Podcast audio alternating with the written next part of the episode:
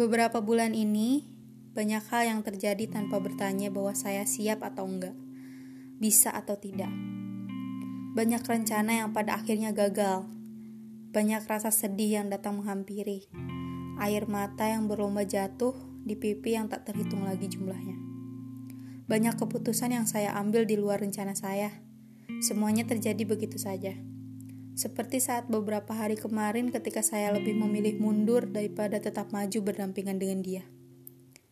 Saya pikir semuanya akan baik-baik saja karena sudah terlalu banyak bebatuan yang sudah kita lewati, namun akhirnya berakhir hanya karena saya sudah tak sanggup untuk mempertahankannya. Arah laju mata angin yang sudah tak beraturan hingga tak tahu lagi ke mana tujuan terakhirnya. Bahkan Kapal yang semula kita naiki bersama berubah arah ketika saya memilih turun terlebih dahulu dan lebih memilih menaiki kapal yang berbeda. Saya rasa bukan kata yang tepat ketika saya bertanya, "Apakah kamu baik-baik saja?"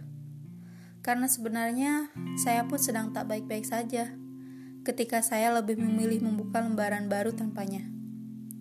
Tak ada yang baik-baik saja pasca ditinggalkan atau meninggalkan saya tak tahu apakah kapal yang akan kita tumpangi pada akhirnya akan berlabuh di dermaga yang sama atau tidak.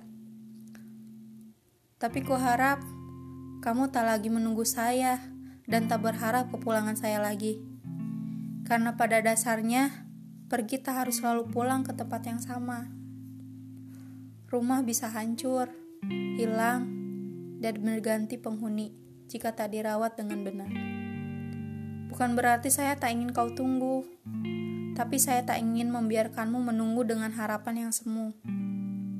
Saya ingin kamu bahagia dengan atau tanpa saya, tanpa harapan dan tunggu. Jika orang yang tepat akan datang di waktu yang tepat, maka mungkin bukan saya orang yang tepat untukmu.